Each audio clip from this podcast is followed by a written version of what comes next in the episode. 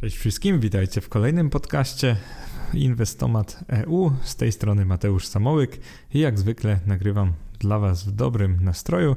Dzisiaj będziemy mieli bardzo luźniutki podcast z kategorii tych o FIRE, czyli tego ruchu Financial Independence Retire Early, który wiąże się z ludźmi, którzy tak jak ja planują przejście na przyspieszoną emeryturę, a przynajmniej osiągnięcie wolności finansowej, no bo o to głównie chodzi osobom, które właśnie bawią się w tak zwane FIRE.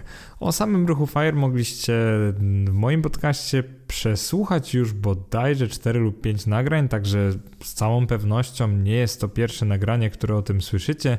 Niemniej dla osób, które nie mają pojęcia o co chodzi, wytłumaczę to w sposób następujący. To są takie osoby, które w sposób bardzo poważny dążą do osiągnięcia niezależności na przykład od pracy, od takich dodatkowych wpływów z tego, co się robi w okresie przedemerytalnym. I tutaj przedemerytalnym mam na myśli zazwyczaj przed dla Polaka wiekiem 65 lat. Czyli przykładowo ja planuję przejście na taką przyspieszoną emeryturę w wieku już 40 lat. Powiem szczerze, że no, sam nie wiem, czy mi to wyjdzie. Rozpisałem sobie to w Excelu i jest na to szansa, natomiast nic się nie stanie, jeżeli przejdę na taką emeryturkę w wieku 45 lub 50 lat. W tej chwili mam niecałe 32 lata, więc jest mi bardzo łatwo mówić, że będzie to możliwe, bo też jeszcze nie mam dzieci. Natomiast kto wie, co się stanie w ciągu roku lub dwóch, więc w tym momencie, w chwili bieżącej jest to dość łatwe do zaplanowania.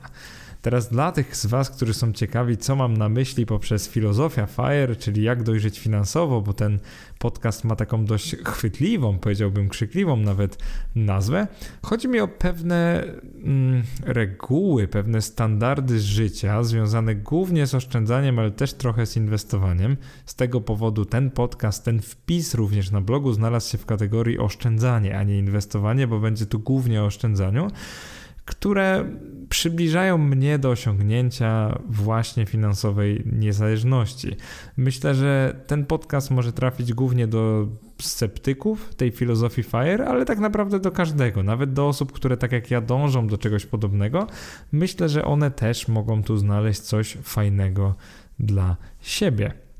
Absolutnie nie nagrywam tego, żeby was przekonywać do wejścia na tą ścieżkę FIRE. Przepraszam, jeżeli to brzmi jak kult. Chodzi po prostu o zbudowanie w sobie takiego finansowego, zdrowego rozsądku. Czyli w tym podcaście postaram się przekazać Tobie przede wszystkim to, w jaki sposób ja um, oszczędzam, w jaki sposób inwestuję, jakim cudem udaje mi się oszczędzić tak dużo z mojej e, wypłaty? I jak w ogóle pracowałem na te wypłaty, czyli w jaki sposób osiągnąłem te wpływy w pewnym sensie. Będzie to też taka całkiem fajna część o tym, jakie wpływy osiągam z dywidend, z odsetek, żebyście zrozumieli, że ten kapitał, który zgromadziłem przez te kilka lat pracy, w tej chwili już będzie to zaraz 6-7 lat pracy, on naprawdę zaczął ostatnio już tak dość mocno na mnie pracować, czyli nie jest to tak, że sobie gdzieś tam e, spekuluję moimi środkami, tylko naprawdę osiągam z tego realne wpływy w ujęciu rocznym, czyli jest to tak, że ja pracuję na samego siebie, na mój kapitał, ale też ten kapitał pracuje na mnie. Oznacza to mniej więcej tyle, że gdybym w chwili obecnej zrezygnował z pracy, a podkreślam, że do osiągnięcia tego FI, czyli Financial Independence, mam jeszcze jakieś do dobre 8 lat według mojego planu, nawet 8,5 roku w chwili, gdy nagrywam te słowa, to mój kapitał generuje mniej więcej jedną trzecią, a czasami w porywach nawet połowę moich miesięcznych wydatków w złotych, czyli naprawdę nie jest tak źle. Dodam tylko, że moje wydatki są dość rozbuchane, ponieważ stale wynajmuję mieszkanie i to dość drogie mieszkanie, mówiąc tak zupełnie szczerze zamiast na przykład wziąć taniego kredytu hipotecznego i spłacać go, na przykład rozciągnąć go sobie na 30 lat, wziąć go tylko na część mieszkania i zamiast tego płacić na przykład dwukrotnie mniej w ujęciu miesięcznym. Także jestem świadom tego, że moje wydatki są nieco nieoptymalne i to już od dobrych kilku lat, natomiast zamierzam nad nimi niedługo popracować. Prawda jest taka, że nawet gdy one są tak nieoptymalne, czyli nawet gdy wynoszą one no nieco za dużo, tak nie chcę wam narzekać, ale jakby jestem na tyle świadomy finansowo, żeby wiedzieć, że mógłbym je ułożyć znacznie, znacznie korzystniej niż teraz, to nawet mimo tego dywidendy i odsetki spokojnie pokrywają około właśnie połowy moich miesięcznych wydatków już w tej chwili, co oznacza, że w pewnym sensie jestem właśnie w połowie drogi do FIRE. Pewna pułapka myślowa jest taka, że oczywiście nie mam w tej chwili dzieci i gdy tylko pojawią się one na świecie, przyjdą one na świat, no to oczywiście, że te moje środki zainwestowane przestaną pokrywać połowę moich wydatków, a właściwie wydatków mojego gospodarstwa domowego, bo tak powinienem je nazywać, tylko oczywiście będą pokrywać znacznie mniej. Dlatego świadom jestem tej kwoty. W tej chwili jest to około 4 milionów złotych, którą muszę uzbierać, by osiągnąć tą upragnioną wolność finansową i zająć się tylko tym, co kocham, czyli prawdopodobnie właśnie nauczaniem inwestowania, czyli tym, co teraz robię. I mimo, że jesteśmy gdzieś w piątej minucie podcastu, to chciałbym teraz e, pozwolić sobie na odrobinę takiej prywaty i podziękować Wam za te liczne polubienia i recenzje na Apple Podcast. Jesteście naprawdę niesamowici. Od chwili, gdy poprosiłem Was w podcaście, czyli nie pamiętam, ale jakieś pewnie 10 podcastów, czy tam 15 podcastów temu, o to, żebyście recenzowali i wystawiali mi oceny na Apple Podcast, do teraz e, przybyło mi około 110 ocen i chyba z 40 recenzji, to takich bardzo pozytywnych. Chciałbym naprawdę podziękować szczerze większości z Was, bo wiem, że staracie się, żeby ten podcast zyskiwał na popularności i powiem Wam szczerze, że ostatnio doszło do takiej ciekawej sytuacji, w której znalazłem się, przynajmniej tymczasowo, e, w kategorii inwestowania na miejscu pierwszym w całym kraju, w całej Polsce wśród podcastów inwestycyjnych. Także naprawdę bardzo Wam dziękuję, ponieważ jest to dla mnie niesamowite osiągnięcie. E, gdybyście powiedzieli mi nie wiem, rok temu, gdy zaczynałem w ogóle nagrywać te podcasty, że uda się coś takiego osiągnąć, to przecierałbym oczy ze zdumienia, ponieważ jestem pewnie podobnie jak większość z Was zwykłym, drobnym inwestorem, który sobie po godzinach e, ciuła trochę pieniędzy i w jakiś taki w miarę rozsądny sposób inwestuje, więc w życiu nie powiedziałbym, że tyle osób będzie no, z chęcią słuchać mojego podcasta, a później nawet wystawiać mu wysokie oceny i recenzje, także naprawdę, szczerze i z całego serca chciałem Wam podziękować, bo nawet nie wiecie, jakie to jest niesamowite uczucie, że osoby tego słuchają, znajdują tu pewną wartość i chcą tutaj wracać, a nawet polecać mnie innym. Także naprawdę, że tak po milenialsowemu powiem, wielka piona dla Was. Bardzo, bardzo dziękuję. No i oczywiście, jeżeli jeszcze tego nie zrobiliście, to zachęcam do tej oceny, a wkrótce może ten podcast będzie jeszcze bardziej popularny. Mam przede wszystkim nadzieję, że on pomaga ludziom, że otwiera im oczy na ich finanse i że no, każdy znajduje tu coś dla siebie, bo to jest chyba najważniejsze. Popularność podcastu, no jeżeli wynika z jakichś złych pobudek, no to powiedziałbym, że nie, nie jest popularnością pozytywną. W moim przypadku mam nadzieję, że jest to właśnie taka pozytywna popularność. Chcę, żebyście wiedzieli, że w żaden sposób nie zmienia to, nie wiem, mojego podejścia do nagrywania. Dalej chcę to robić możliwie non-profit, a jeżeli wydam jakiś produkt, który, za który będę, tak to kolokwialnie nazwę, kasował pieniądze, to oczywiście chciałbym, żeby był jak najwyższej jakości, czyli żebym się czuł dobrze pobierając za coś pieniądze, a nie tylko będąc, wiecie, kolejnym takim coachem, który e, robi to wszystko tylko, żeby wam wcisnąć jakieś tam e, bajki o inwestowaniu. Także wróćmy do tematu. Filozofia FIRE. Zaczynamy.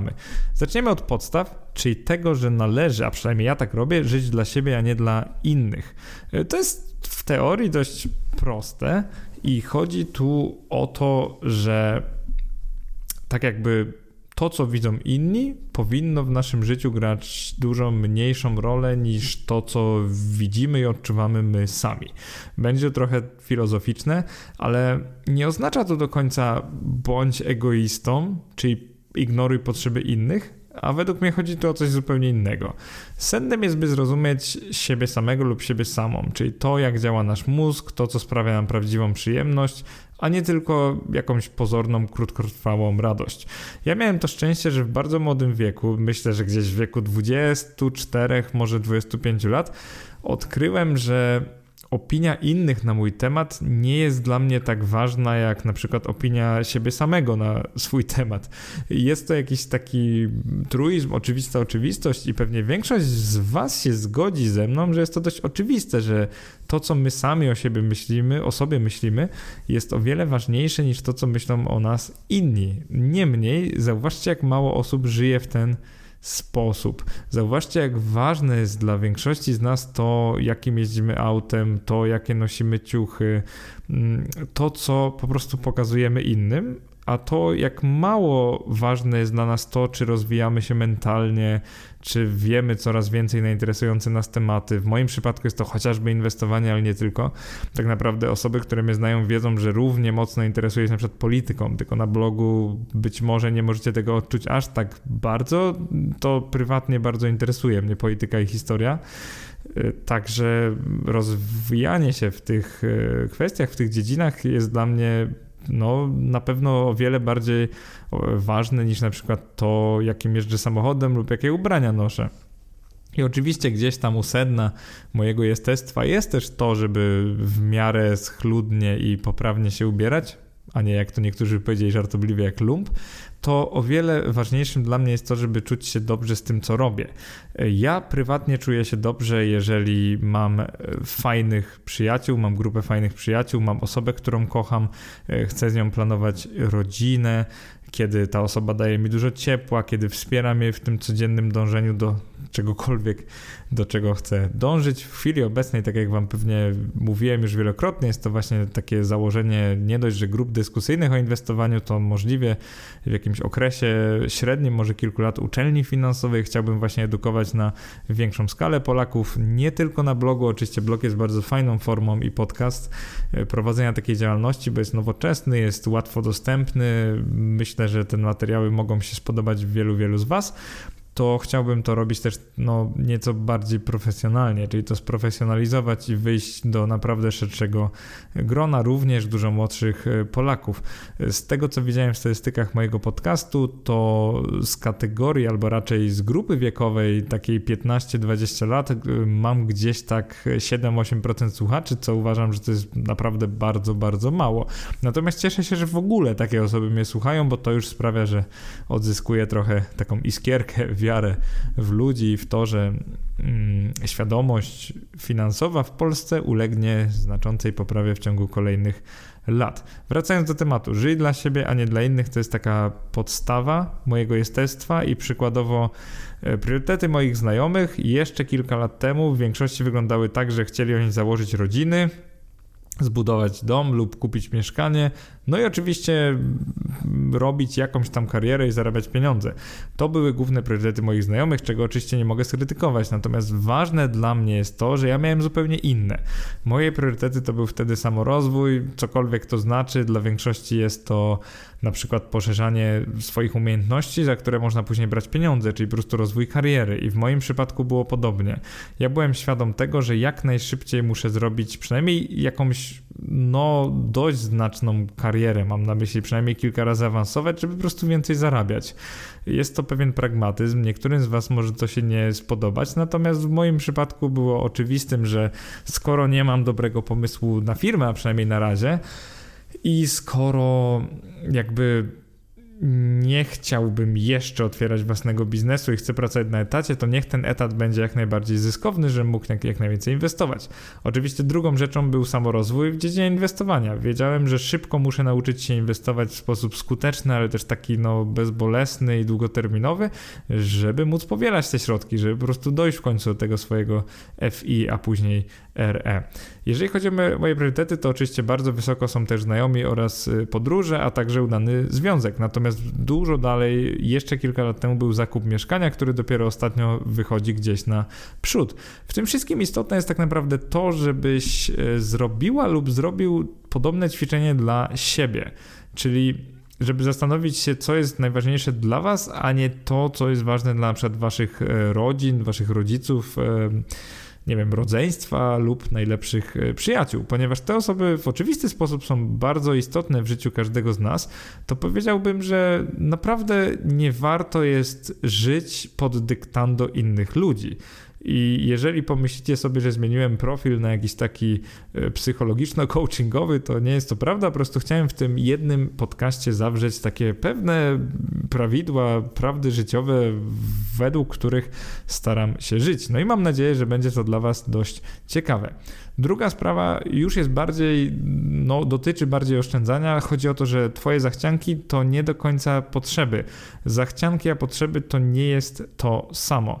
Ja chciałem jak najwcześniej zauważyć, że większość rzeczy, na które mogę wydać pieniądze, czyli no, to są różne rzeczy. Mam na myśli na przykład jedzenie w drogich knajpach, mam na myśli jakieś gadżety typu jakiś drogi komputer lub telefon, jeżdżenie drogim samochodem, cho czy choćby wycieczki na jakieś egzotyczne wyspy. To są rzeczy, które są dla mnie bardzo mało istotne. Te, właściwie wszystkie te, które wymieniłem. Y, pewnie dla większości z Was może być zupełnie inaczej. Na przykład drogi samochód może być istotnym wydatkiem, natomiast ja wcześniej zauważyłem, że dużo bardziej, dużo wyżej będę cenił właśnie wczesną niezależność finansową niż to, czy w tych latach będę jeździł drogim samochodem. Należę do takich osób, które mogłyby od lat kupić sobie dość drogi samochód, natomiast jakoś nigdy nie widziałem w tym dużej wartości. Jest to pewne zboczenie, ale zakup tam iluś spółeczek dywidendowych, czyli po prostu akcji lub ETF-ów, czegoś, co daje mi pasywny dochód, jest dla mnie dużo bardziej radosny niż na przykład zakup drugiego drogiego samochodu, który po trzaśnięciu drzwiami straciłby 20% swojej wartości. Czy to oznacza, że jestem skąpiradłem lub, lub potocznie mówiąc skąpcem? Nie powiedziałbym, ponieważ mam swoje rzeczy, na które lubię wydawać pieniądze i przykładowo będzie to takie w cudzysłowie tanie podróżowanie w Azji lub Ameryce. To jest takie podróżowanie raczej z plecakiem, coś co moglibyście poczytać na blogach podróżniczych, a nie finansowych raczej. Chodzi o to, że bierze się plecak, kupuje bilety lotnicze w jakieś miejsce, i już tam na miejscu albo na, wiecie, umawia się wszystko na bieżąco. E, nie planuje się jakoś bardzo dużo, wynajmuje się skuter lub auto i po prostu się jeździ przez 2-3 tygodnie po jakimś tam regionie, czy nawet całym kraju i mieszka się w różnych miejscach, robi różne rzeczy, e, żeby liznąć tej lokalnej kultury, więc to jest sposób in, in, chciałem powiedzieć inwestowania, to jest sposób podróżowania, który preferuję, który sprawia mi największą radość nie jest to podróżowanie bardzo drogie, pewnie wielu z Was by się zdziwiło, ale można sobie 3 tygodnie w Azji zrobić za tak naprawdę kilka tysięcy złotych, na przykład 6-7 tysięcy, z czego największym kosztem jest zwykle przelot, który wynosi na przykład 3 czy 3,5 tysiąca złotych. Oczywiście w czasach, kiedy to nagrywam, pandemii COVID-19, takie podróżowanie jest dużo trudniejsze, jeżeli nie niemożliwe, natomiast sprawia mi dużo radości, więc takim jednym z moich głównych wydatków w skali roku jest właśnie podróżowanie, takie podróżowanie z plecakiem. Kolejną rzeczą, która sprawia mi radość, jest na przykład wysokiej jakości herbata i pewnie wielu z Was by się tutaj śmiało, ale naprawdę potrafię bardzo przepłacać za herbatę, bo jestem takim trochę koneserem herbacianym. Tak jak niektórzy lubią drogie, dobre kawy, to ja tak ubzdurałem sobie, że lubię herbatę, no i właśnie napajam się takiej wysokiej jakości herbatą, na co w skali miesiąca idą naprawdę no, dość spore pieniądze, jak patrzę na mój cały y, budżet. Y, są też rzeczy, które są dla mnie bardzo ważne, ale też y, w pewnym sensie tanie, ponieważ na przykład niezawodny sprzęt RTV AGD, który kupuje się raz na parę lat, oczywiście wybierać taki z wyższej półki, ale nie najdroższy, to nie jest rzecz droga, jeżeli spojrzymy sobie w perspektywie roku. Podobnie spędzanie czasu z przyjaciółmi, nawet jeżeli to jest w jakichś tam droższych knajpach czy coś, ja nie powiedziałbym, że w skali miesiąca czy roku jest rzeczą drogą, więc uznałem ją za bardzo ważną i dość tanią. Są oczywiście rzeczy mało ważne i tanie, więc sugeruję tobie zrobienie sobie takiego um, kwadratu lub prostokąta, w którym zrobisz sobie dwie osi. Ja zrobiłem sobie oś rzeczy ważnych, czyli mało ważne, bardzo ważne, od lewej do prawej i oś rzeczy drogich, na przykład będzie to wtedy oś y, wertykalna, czyli u góry drogie rzeczy, na dole tanie rzeczy. Dlaczego to jest istotne? To jest istotne, żeby zrozumieć, że pewne rzeczy są tylko zachciankami, yy, są tak, bym powiedział, lobbowane przez innych ludzi, a nie przez ciebie i ważne jest to, żeby zrozumieć, co jest ważne dla ciebie, a nie dla innych, ponieważ żyjesz dla siebie, więc yy, zdefiniuj, co będzie ważnym wydatkiem dla ciebie, a co będzie mało ważnym wydatkiem dla ciebie i absolutnie nie wydawaj pieniędzy tam, gdzie nie musisz, bo inaczej nigdy nie oszczędzisz na tą swoją finansową niezależność. Kolejnym punktem będzie budżetowanie, ale takie bez przesady. O samym budżetowaniu możesz przeczytać na praktycznie każdym blogu finansowym. Możemy to zacząć od Michała Szafrańskiego, jak oszczędzać pieniądze. Pisze o tym też Marcin Liwuś na finansach bardzo osobistych, ale powiedziałbym, że o oszczędzaniu jest chyba 25 lub 30 blogów w Polsce. E, wszystkie są naprawdę niezłe, wszystkie dają ci pomysły, jak można oszczędzać i budżetować. A prawda jest taka, że przy pewnych zarobkach, żeby skutecznie oszczędzać, nie trzeba zbierać każdego rachunku i obserwować każdego grosza. Y, powiedziałbym, że wyznając filozofię FIRE, ja sam kontroluję wydatki zwykle poprzez odcinanie większości wypłaty zaraz po jej otrzymaniu. To jest taka moja magiczna metoda, y, czego sekwencja to pisałem bodajże w pierwszym wpisie na moim blogu. Nazywał się on Jak oszczędzać pieniądze 1 na 5, czyli systematyczne oszczędzanie. To właśnie całym sekretem mojego budżetowania w wersji Lite jest to, że po prostu odcinam bardzo dużą część wypłaty na samym początku. Oczywiście do tego trzeba mieć wypłatę w pewnej wysokości. Oczywiście, gdybym zarabiał teraz 5000 zł netto miesięcznie, to nigdy nie odciąłbym 70% tej wypłaty, tylko może 40 lub 50%, chociaż wątpię szczerze mówiąc z moimi obecnymi wydatkami. No to zarabiając tyle, ile obecnie zarabiam, mogę spokojnie odciąć 70% wypłaty, tej netto już, dać to na inwestycje i dopiero później e, wydawać. Czyli po prostu robię sobie sztucznie zaniżam sobie swoje wpływy, żeby później nie wydać wszystkiego. Jest to bardzo prosty, taki wręcz elementarny sposób, który sprawia, że nigdy nie mam rozbuchanych wydatków. No i oczywiście, jeżeli mam większe wydatki, to sobie to planuję gdzieś tam z wyprzedzeniem. Jeżeli chodzi o budżetowanie w moim wykonaniu, robię to bardzo prosto. Używam konta w banku, e, który nie wiem czy wiecie, ale podsuwa nam różne kategorie wydatków. No i robię to tak, że kategoryzuję, czyli trochę uczę ten mechanizm no, uczenia maszynowego, nazwijmy to, e, który stosuje mBank, uczę do jakiej kategorii należą które wydatki, zrzucam to do własnego Excela tak raz do na może 6 do 12 miesięcy. Robię to naprawdę rzadko. Obrabiam to sobie w pliku CSV, e, później oczywiście w Excelu, no i robię sobie takie szczegółowe zestawienie na co w jakim miesiącu wydałem ile pieniędzy. Do tego dokładam średnią kroczącą. Dość fajnie pokazałem ten plik Excel we wpisie, który jest dołączony do tego podcastu. Jeżeli chcesz prosto go znaleźć, po prostu kliknij w link na początku opisu tego nagrania. No i w taki bardzo prosty sposób budżetuję sobie moje wydatki. W zasadzie robię to co pół roku, sprawdzam tylko, czy długoterminowo nie zaczynam wydawać coraz to więcej, czy tak, tak naprawdę kontroluję inflację stylu życia. No i prawdę mówiąc, nigdy nie miałem problemu z oszczędzeniem pomiędzy 30 a 70% mojej wypłaty, a inflacja stylu życia praktycznie mnie nie dotyczyła i dzięki właśnie tej zasadzie, którą stosuję od lat, a ta zasada mówi nigdy nie wydawaj więcej niż 10% swoich oszczędności na jeden wydatek w danej chwili, na przykład na samochód lub wkład własny na mieszkanie. I w teorii jest to bardzo proste, ta zasada 10%, ale powiedzcie mi, czy udało Wam się stosować przez całe życie. Jest ona dość trudna. E, o co chodzi w tym niewydawaniu na jedną rzecz więcej niż 10% swoich oszczędności? Zacznijmy od tego, że gdy zaczynałem zarabiać pieniądze, czyli w roku 2013, jeżeli dobrze pamiętam, e, to moja wypłata wynosiła no zresztą wprost napisałem na blogu, kilkanaście tysięcy złotych netto. Mieszkałem w Szwecji, więc oczywiście to była, jak na szwedzką wypłatę, nie była to jakaś e, ogromna wypłata, jak na polskie warunki była wysoka, no ale pamiętajcie, że szwedzkie wydatki są trochę wyższe niż polskie. Niemniej, ustaliłem sobie, że mogę oszczędzać pieniądze w jakimś tam konkretnym tempie i było to bodajże kilka tysięcy złotych miesięcznie, że tyle mogę oszczędzać. Znaczyło to mniej więcej tyle, że dopóki nie uzbieram na przykład 100 tysięcy złotych, nie wolno mi jest wydać na samochód czy na cokolwiek więcej niż 10% moich środków. Znaczyło to mniej więcej tyle, że nie mogę kupić samochodu za 50 tysięcy złotych, mając na przykład 60 tysięcy złotych. Znaczyło to mniej więcej tyle, że gdy uzbieram 100 tysięcy złotych, będę mógł kupić auto za 10 tysięcy, czyli no takie dość no, starsze auto, nie? nie jakieś tam nie wiadomo jaki model. I e, ta zasada sprawia mniej więcej to, że w momencie jak przekroczyłem pół miliona złotych, no to mogę już kupić auto za 50 tysięcy.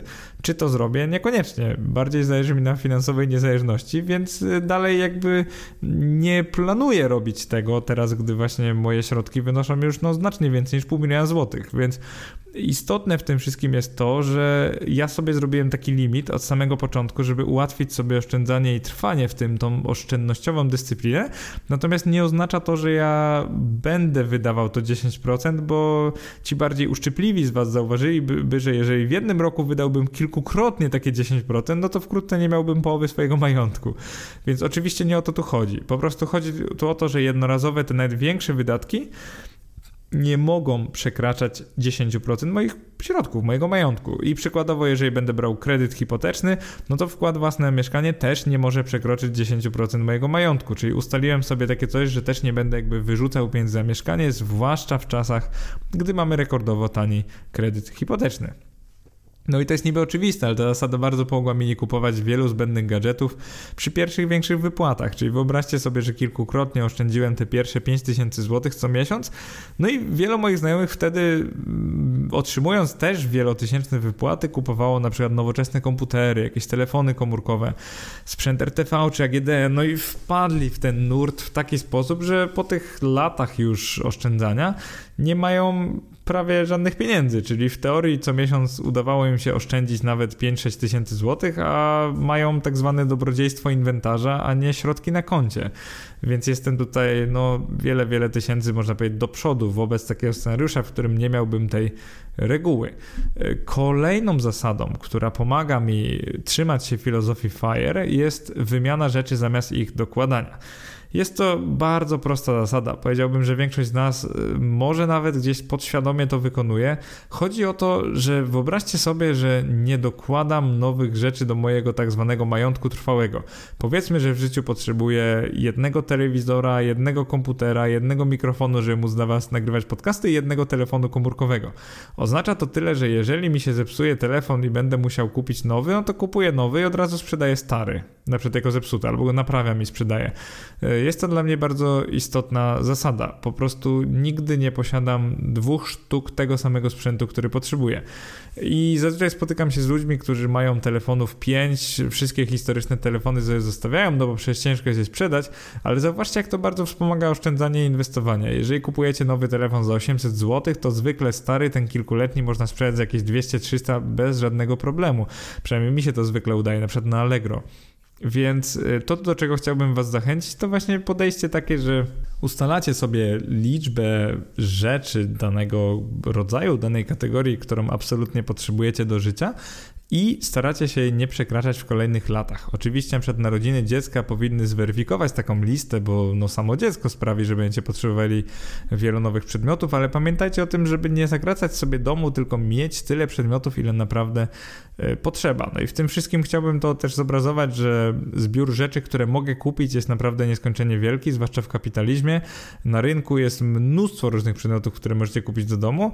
E, w tym zbiorze jest taki podzbiór rzeczy, które chcę. Byłaby to gdzieś, nie wiem, jedna, może wielotysięczna tego zbioru, jakaś mała jego część, mniej niż 1%. Natomiast rzeczy, których potrzebuję, są no jeszcze mniejszym zbiorem tego zbioru rzeczy, których chcę, no i częściowo rzeczy, których nie chcę. Po prostu czasami potrzebujemy rzeczy, które no niekoniecznie nas jakoś tam uszczęśliwią, po prostu są nam potrzebne, że bez nich no nie, nie damy rady czegoś na przykład zrobić. Mm, więc moją metodą taką złotą na niewydawanie wielu, jakiejś większości mojej wypłaty lub nie kupowanie niepotrzebnych rzeczy jest właśnie przespanie się z planem na kupno przedmiotu. Takie gruntowne zastanowienie się, czy naprawdę potrzebuję nowego X lub Y.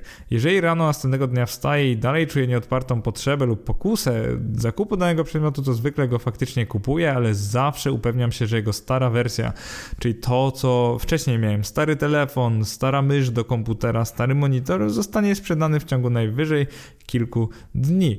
Kiedy rozumiesz już ten swego rodzaju minimalizm, lub ja to nazywam pragmatyczny czy praktyczny minimalizm, to zrozumiesz też w jaki sposób udaje mi się tak wiele oszczędzić. I naprawdę przy tym wszystkim nie jestem skąpiradłem, zdarza mi się wymieniać sprzęt. Zwykle tak naprawdę cały mój sprzęt musi być bardzo dobry i zwykle dość drogi, no bez przesady, bo jakby kryterium cen do jakości jest dla mnie ważniejsze niż samej jakości. Natomiast e, co kilka lat zawsze wymieniam komputery, monitory i tak naprawdę całą resztę sprzętu i staram się, nawet jak na przykład nagrywam ten podcast, to mimo, że gdy kupowałem mikrofon, to jeszcze nikt e, mnie nie słuchał, to starałem się już kupić taki ze średniej półki, żeby e, słuchanie tego podcastu było dla Was przynajmniej w miarę przyjemne. Oczywiście nie jest to żadna profeska, także dalej klecę na tym, na czym jakby mogę klecić, ale to jest bardzo istotne, żeby nie przesadzać z wydatkami. Kolejnym i takim chyba najważniejszym e, no sednem tak naprawdę filozofii FIRE jest to, żeby inwestować młodo, dużo i konsekwentnie. Brzmi to dość agresywnie, ale gdy już zmobilizuję swoje środki do oszczędzania, to wszystkie inwestuję Co to oznacza? Niedawno pisałem Wam o tej poduszce finansowej, której jakby nie posiadam, no bo posiadam inwestycje, więc mogę spieniężyć dowolną część moich inwestycji i mam nagle, voilà, mam poduszkę finansową. W moim przypadku bardzo ważnym jest inwestowanie co miesiąc. Oczywiście nie oznacza to, że jak tylko mam jakieś środki, to muszę je zainwestować natychmiast. Oznacza to mniej więcej tyle, że całe te oszczędzone środki idą na moje konto inwestycyjne, że po prostu nie mam żadnego międzykąta, nie mam tej poduszki finansowej, która mnie kusiła do wydatków, po prostu inwestuję środki i wtedy jakby one znikają z mojego konta. Ja wiem, że je mam, ja nie muszę mentalnie sobie wmawiać, że nie posiadam tych środków, a wręcz przeciwnie, lubię wiedzieć, że mam te inwestycje. Natomiast y, jak coś zainwestuję, to mam do tego wielki szacunek, czyli taki, że jeżeli kupuję spółkę na lata, to trzymam ją zwykle przez lata, no chyba, że urośnie za bardzo, to ją sprzedaję, no i kupuję inną spółkę na lata. Tak samo z obligacjami korporacyjnymi. Celowo kupuję takie, które kończą się za 3-4 lata, żeby trzymać je przez te 3-4 lata, a nie po to, żeby e, wziąć te pieniądze i wydać na jakiś, nie wiem, drogi samochód. Więc jakby to, co trzeba zrozumieć, to to, że w momencie wypłaty od razu separuję 70% moich miesięcznych dochodów i od razu idzie to na konto maklerskie. No i zwykle idzie to na akcje ETF akcyjne oraz na inne, czyli na przykład takie fixed income tak zwane, czyli obligacje skarbowe i korporacyjne, głównie korporacyjne w tych czasach. No i z tego mam dywidendy i odsetki. Więc moje wpływy miesięczne są jeszcze wyższe, więc jakby zasilam sobie tą maszynkę dywidendową, to, co muszę na początku miesiąca odcinam, powiedzmy 30% pójdzie na wydatki, to będą wydatki stałe, które wynoszą jakieś 15-20% tego, co zarabiam i wydatki zmienne, które wynoszą 5-10% tego, co zarabiam, około. Czasami udaje mi się nie wydać części, więc jakby trafia to dalej do tego garnuszka, który w przyszłym miesiącu pójdzie na inwestycje. Więc tym sposobem jakieś kilka procent zostaje mi zawsze na kolejny miesiąc. No i w ten sposób właśnie budżetuję, w ten sposób też inwestuję. O inwestowaniu macie na moim e, blogu, w moim podcaście mnóstwo nagrań i wpisów, więc tak naprawdę nie będę już tutaj się rozwodził. Jeżeli chcecie jakiś konkretny, to przykładowo dlaczego inwestuję, czyli moja droga do finansowej niezależności, to jest jeden z niedawnych podcastów. On świetnie opisuje właśnie sposób, jakby środki, którymi inwestuję, co ja dokładnie robię i tak dalej, i tak dalej. Więc jeżeli chcesz taki wariant inwestycyjny tego samego podcastu, to po prostu odpal sobie do kawki, e, czy tam na spacer, e, czy może do biegania, e, czy może na długą drogę. Może weźmiesz mnie gdzieś w podróż, chociażby jadąc do swojej rodziny, bo w tych czasach tak naprawdę pewnie rzadko kiedy jedziemy gdzie indziej lub tam podróżujemy w czasach lockdownów. Więc weź sobie ten podcast na tak zwane słuchawki lub głośnik i na spokojnie przesłuchaj, dlaczego inwestuję. Wracając do filozofii FIRE, czyli takiego bardziej oszczędnościowego podcastu, chciałbym teraz powiedzieć o planowaniu. I planowanie w moim przypadku, jeżeli chodzi o właśnie FIRE, jest dość długodystansowe. Powiedziałbym, że ekstremalnie długodystansowe. O co tu chodzi? Zarówno w pracy, jak i w życiu prywatnym często zauważam, że ludzie dzielą się na dwie grupy. Na tych, którzy nie planują niczego oraz na tych, którzy planują dosłownie wszystko. Chciałbym tutaj powiedzieć, że ja nie należę do tej drugiej grupy, natomiast jestem gdzieś blisko. Te osoby, które wszystko planują, mają często tendencję do przesady, czyli na przykład, że wpisują wszystkie detale ich życia do Excela. Ja staram się planować w ten sposób głównie swoje finanse i niewiele więcej, czyli E, jeżeli o planowanie finansów chodzi, to wystarczy mi na przykład interwał miesięczny, no i przez interwał rozumiem ten okres próbkowania, że planuję miesiąc w miesiąc, a nie na przykład każdy dzień swojego życia, bo to było niemożliwe. Powiem Wam szczerze, że wystarczyłoby planowanie kwartalne lub roczne, ponieważ większość z nas mniej więcej wie, ile będzie mogło odłożyć w ciągu kwartału lub roku i tak naprawdę dość rzadko pewnie zmieniamy pracę, a nawet jak zmieniamy pracę, to nasze zarobki nie zmieniają się jakoś tam diametralnie. Pewnie dla większości z Was, gdy, nie wiem, awansujecie, lub zmieniacie pracę, dostajecie na przykład 10 lub 15% więcej, jeżeli chodzi o pieniądze, więc jakby spodziewałbym się, że to nie jest tak, że jeżeli zaplanujesz sobie jakiś wzrost dochodów, na przykład w horyzoncie kilkuletnim, to nagle on cię zaskoczy i będziesz zarabiał, zarabiała 100% więcej. Jakby podejrzewam, że to jest raczej mało prawdopodobne, chyba że jesteście na samym początku swojej kariery, swoich karier. Jeżeli chodzi o planowanie finansów, no to ja właśnie mam taki okres próbkowania miesięczny. Jeżeli jesteś ciekaw, jak to robię to w podcaście Jak zaplanować swoją wolność finansową, mój plan sprzed lat. Yy, opisałem mniej więcej ten sposób. Był to krótki podcast, we wpisie pokazałem taki plik. Ważne jest to, że ja planuję również swoje wydatki, czyli staram się zdefiniować realistyczny wzrost moich wydatków. Robię oczywiście kalkulację inflacyjną. Zakładam, że w pewnym momencie założę rodzinę, więc staram się jakoś w miarę realistycznie zaplanować wysokość swoich wydatków. Dlaczego w filozofii FIRE wydatki są najważniejsze? Ponieważ to właśnie wydatkami, a raczej procentem wydatków, który będziesz w stanie pokryć ze swoich inwestycji, ze swojego pasywnego dochodu, tym będziesz mierzyć swoje, powiedzmy, zaawansowanie na ścieżce do finansowej niezależności. Dlaczego właśnie wydatki są ważniejsze od na przykład wpływów? Powiedziałbym, że dlatego, że no niezależnie ile aktywnie zarabiamy na przykład z tytułu pracy, czyli niezależnie czy to jest 5, 10 czy 20 tysięcy złotych, to określoną kwotę miesięcznie wydajemy. I właśnie to, do czego dążymy, to to, żeby tą kwotę, którą wydajemy, móc na spokojnie pokryć z inwestycji i jeszcze, żeby te inwestycje zmieniały, mam na myśli zwiększały swoją wartość w czasie, czyli żeby się nie wyczerpywały, a przynajmniej mi o to chodzi. Nie chcę mieć takiej renty wieczystej, która spali te moje oszczędności, ja chcę, żeby one przetrwały, a później trafiły do mojej rodziny, a sam koniec drogi. No mam nadzieję, że mam jeszcze jakieś 60 lat, skoro jestem 30-kilkulatkiem. No ale zobaczymy, na ile zdrowie pozwoli. Mam nadzieję, że jak naj dłużej.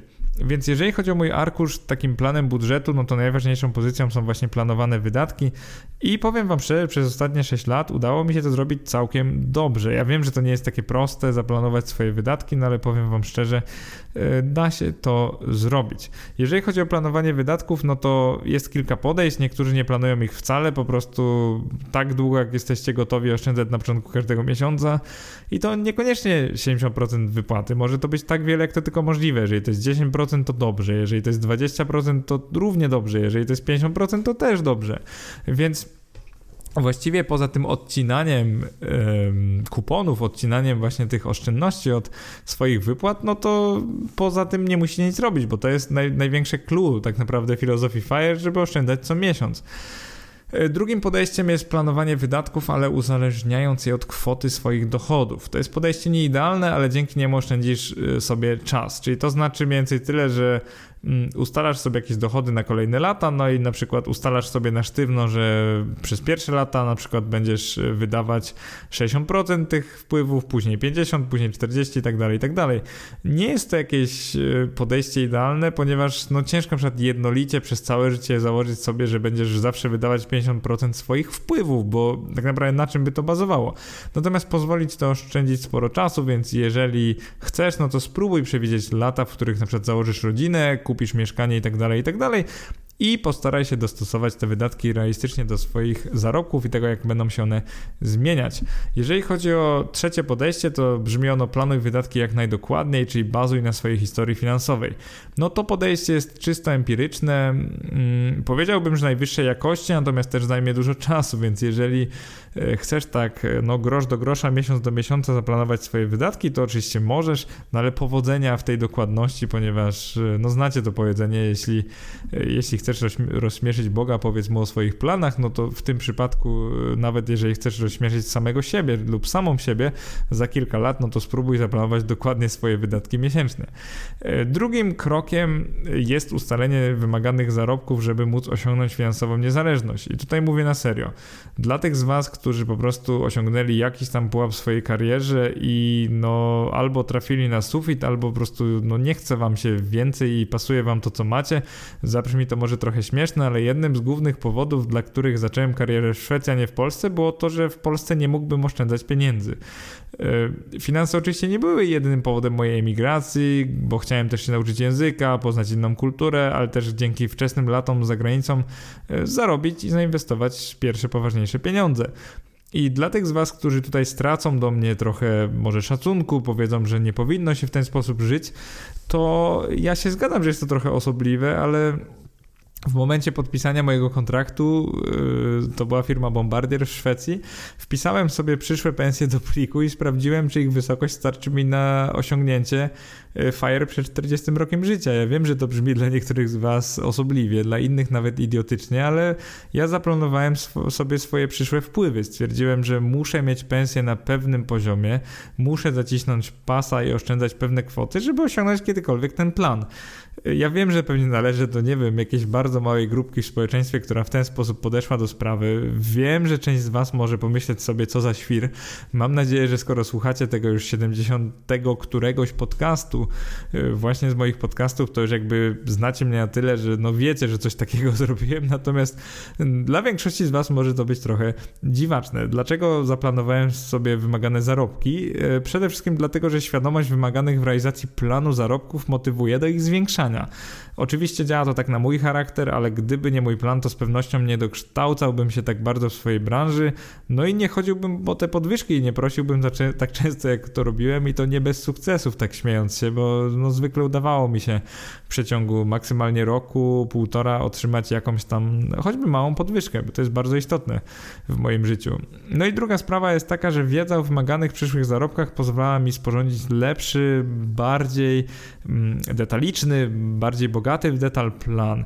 I uważam, że im lepszy plan, tym większa wiara i tak naprawdę szansa na jego powodzenie, co daje kolejny tak zwany kop motywacyjny komuś, kto żyje zgodnie z filozofią FIRE, czyli na przykład mi.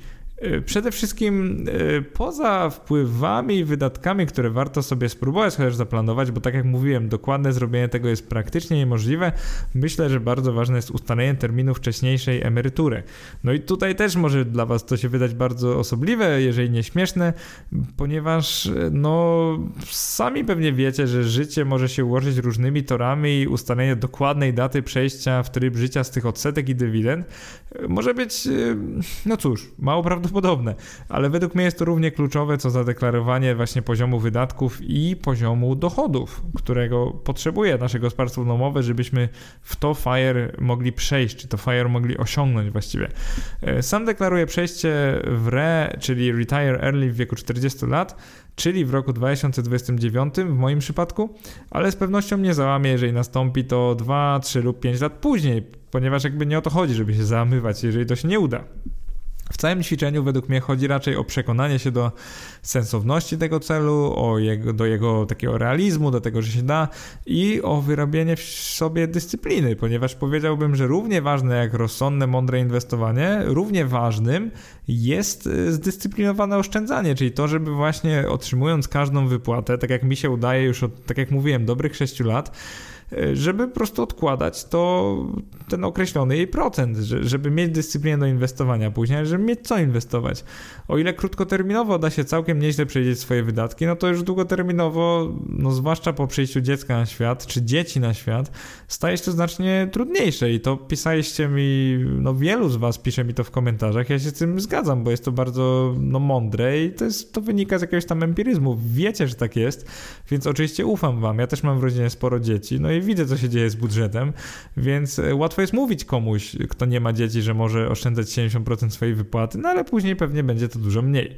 Kolejna sprawa, nie da się dokładnie przewidzieć swoich przyszłych wyników inwestycyjnych. No ja wiem, że fajnie brzmi mój plan, żeby mieć 10% brutto rocznie, no ale nadejdzie kryzys, nagle mój portfel straci na przykład 20 lub 30%, przynajmniej tymczasowo, więc bardzo istotnym jest to, żeby zrozumieć, że historia pokazuje, że da się na giełdzie zarobić pieniądze, to nie wiemy, co będzie w przyszłości. Może być, że w pewnym momencie stracę jakąś dużą y, sumę, nawet procentowo, dużą część moich oszczędności, no i jakby nic z tym nie zrobię. Wtedy pomoże mi tylko dyscyplina i wiedza inwestycyjna, to żeby nie spanikować, gdy może wszyscy inni będą panikować.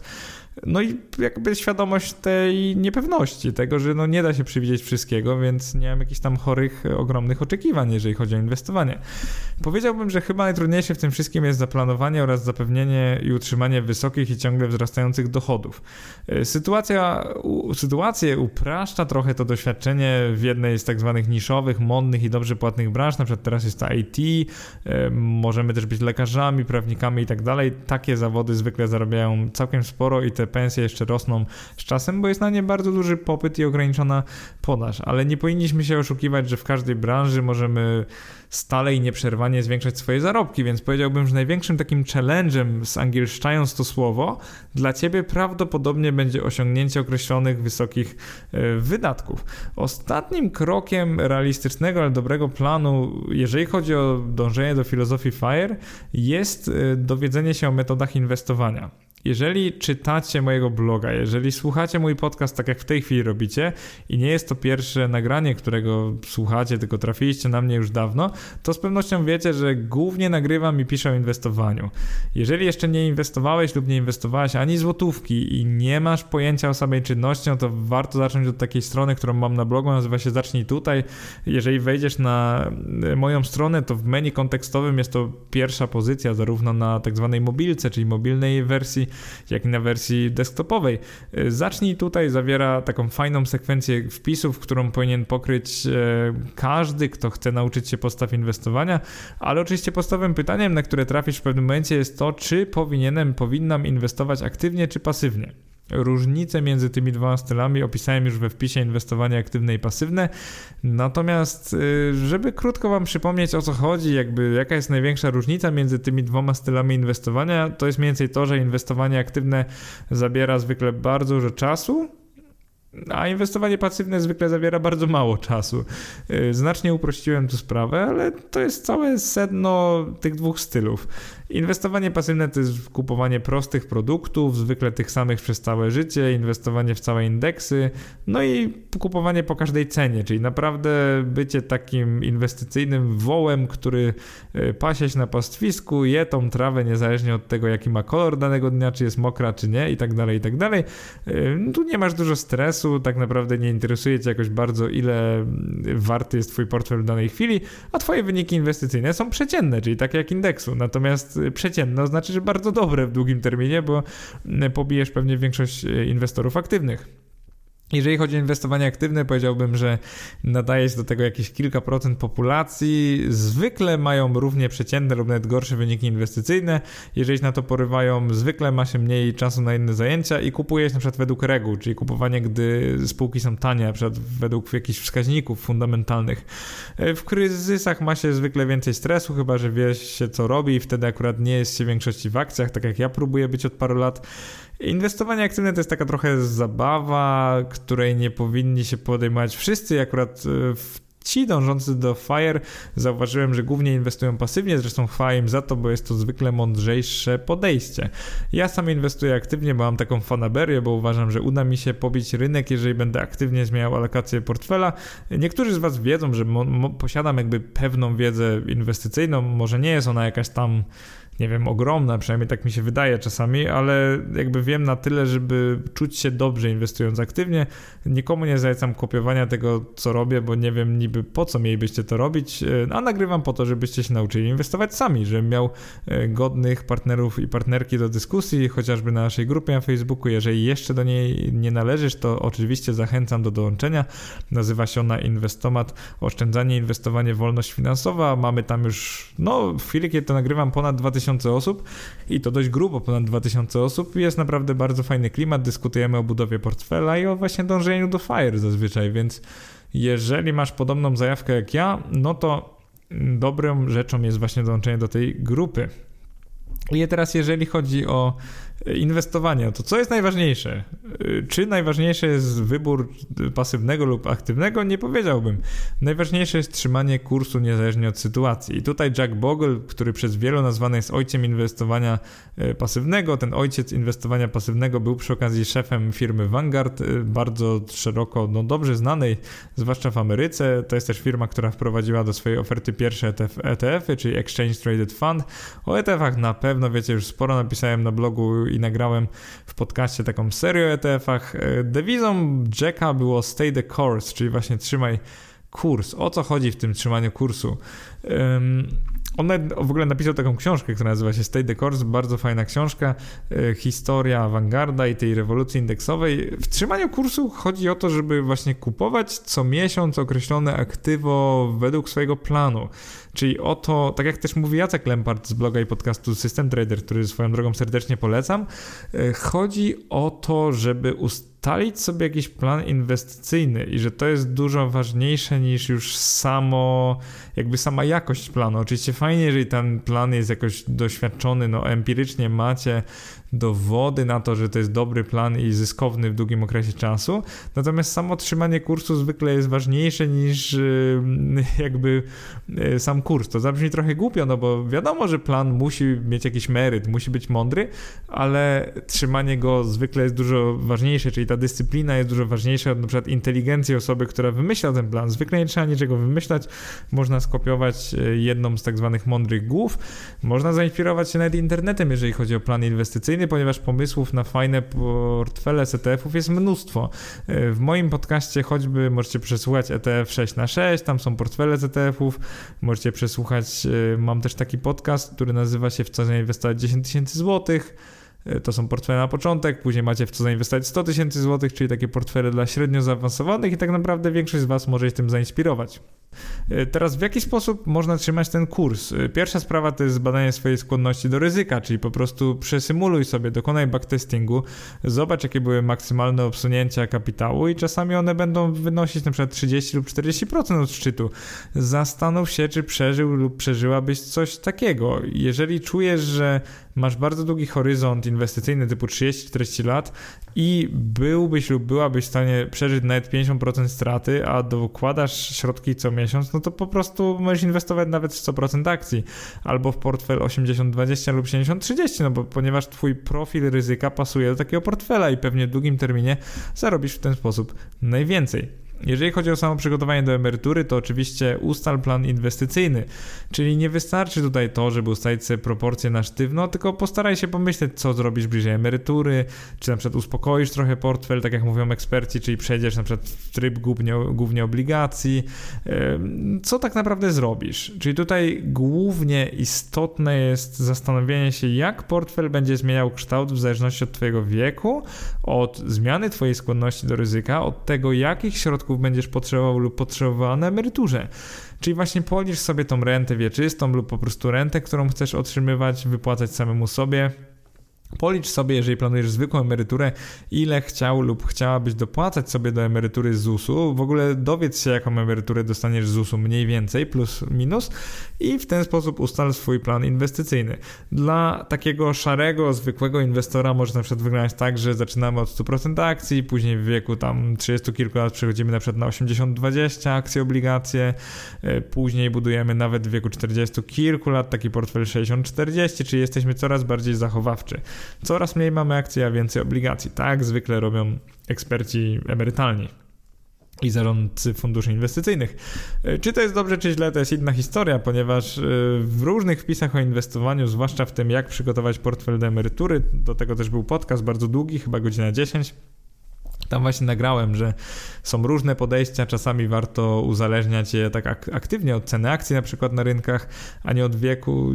Niemniej istotne jest to, żeby mieć kurs, e, jakiś mieć pomysł na portfel, trzymać się go niezależnie od sytuacji i po prostu podążać e, tą drogą. Poza ustaleniem planu inwestycyjnego bardzo ważne jest to, żeby nie sprawdzać stanu portfela zbyt często.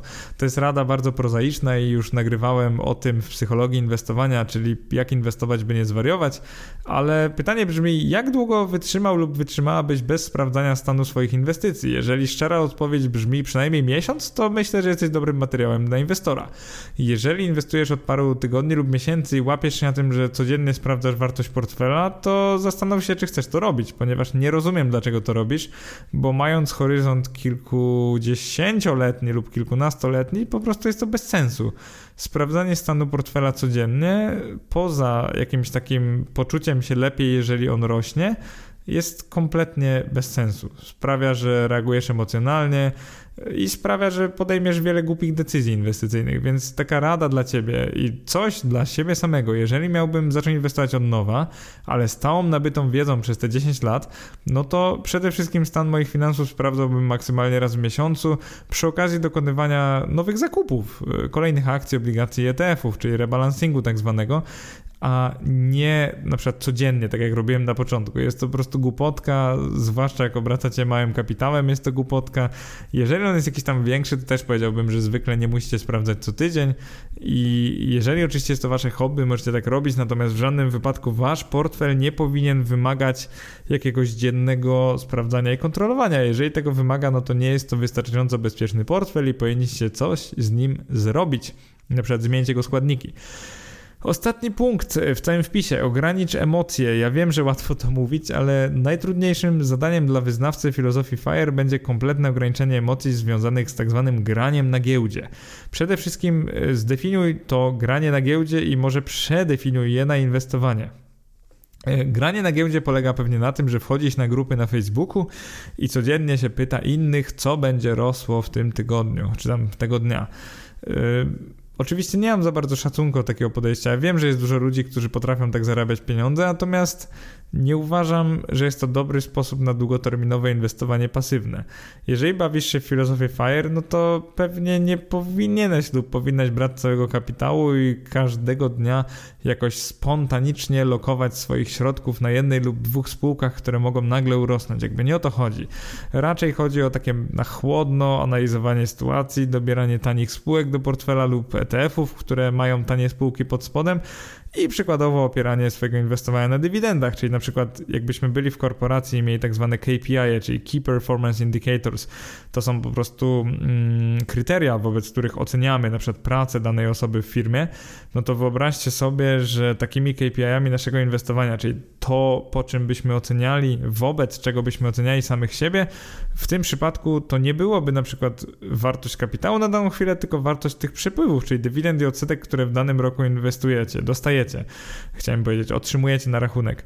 Jeżeli nagle naszym kryterium są wypłacane dywidendy, to przestajemy się tak emocjonować, kiedy jest kryzys, no bo co z tego, że wartość naszych akcji spadła, nie wiem, 30%, jeżeli dywidendy są równie wysokie lub podobnie wysokie, jak były w zeszłym roku. Oczywiście nie jest to prawda zwykle, no bo w kryzysach spółki zazwyczaj ograniczają wielkość wypłacanych dywidend, więc no oczywiście wasz KPI dywidendowy też pewnie wtedy spadnie, no ale jest duża szansa, że jak będziecie dokładać środki nawet w kryzysie, że dokupicie wtedy akcje, które będą tanie, no to w przyszłości ten wasz KPI dywidendowy znacznie wzrośnie.